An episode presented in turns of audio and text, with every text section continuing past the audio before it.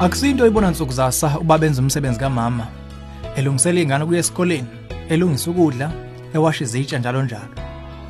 Kodwa ndlela thizeni, ngesinye seyigaba obaba bayithola bekuso. Sizoletha imicabango yethu ngesimo esinjena. Khona la uhlelweni ezomndeni. Hlala nathi.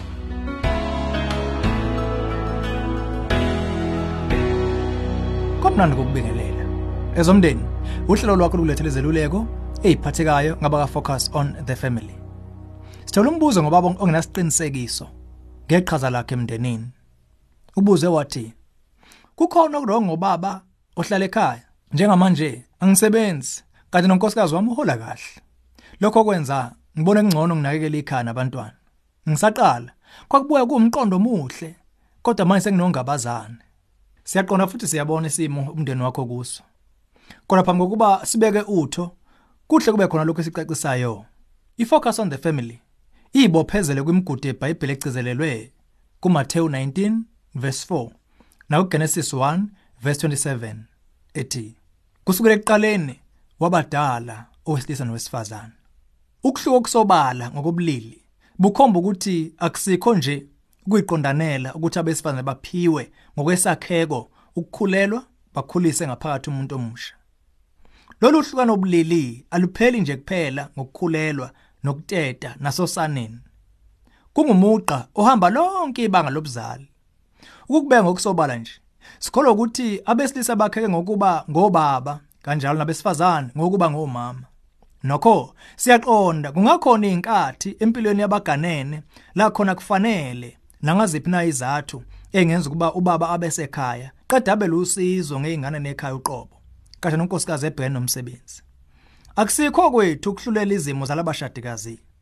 Nokho sibona kusemqoko ukubalula okushiwo iBhayibheli phambi kokuba kuhlabeleke phambili. Sesikushilo kwelokho, umbuzo oqala ufike engqondweni ngothi yiziphi izathu ezenza ube nongabazane. Ngakube ukunganeliseki kwakho siqu.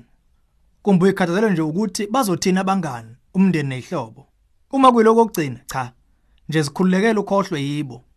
Awukwazi ukuphila impilo yakho ngenqobo yabanye abantu. Kahlehle baningi abesifazane abafisa ukusebenza ze balethe imali yokuphilisa umndeni. Izinkomba zezibalo zingakhombisa ukuthi maningi amadoda sesimeni sakho futhi siyanda. Uma ngolunye uhlangothi kunguwe nonkosikazi wakhe ningathokozile ngesimo, hayike nidinga ukuthola indlela yokubhekana naso. Lokho kungenzeke kalula kuze kube ukuthi uyazimisela ukuveza imizwa yakho. Ngakho khanda isikhathi nihlale phansi nixoxe ngezinto ezinikhathazayo.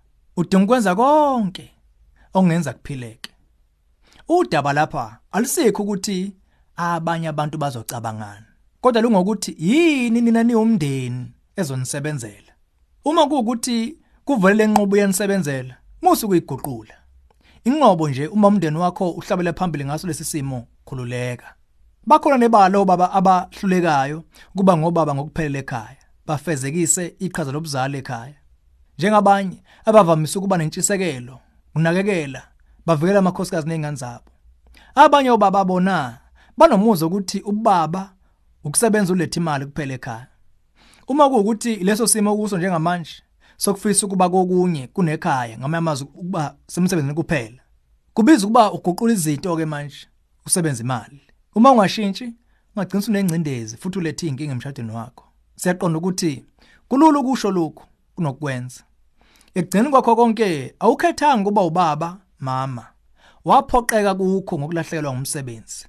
Siyaqonda ukuthi ngokomnotho kulahleka kwemisebenzi kuyinsele enkulu. Kusengathatha isikhathi ukuthola isikhala somsebenzi.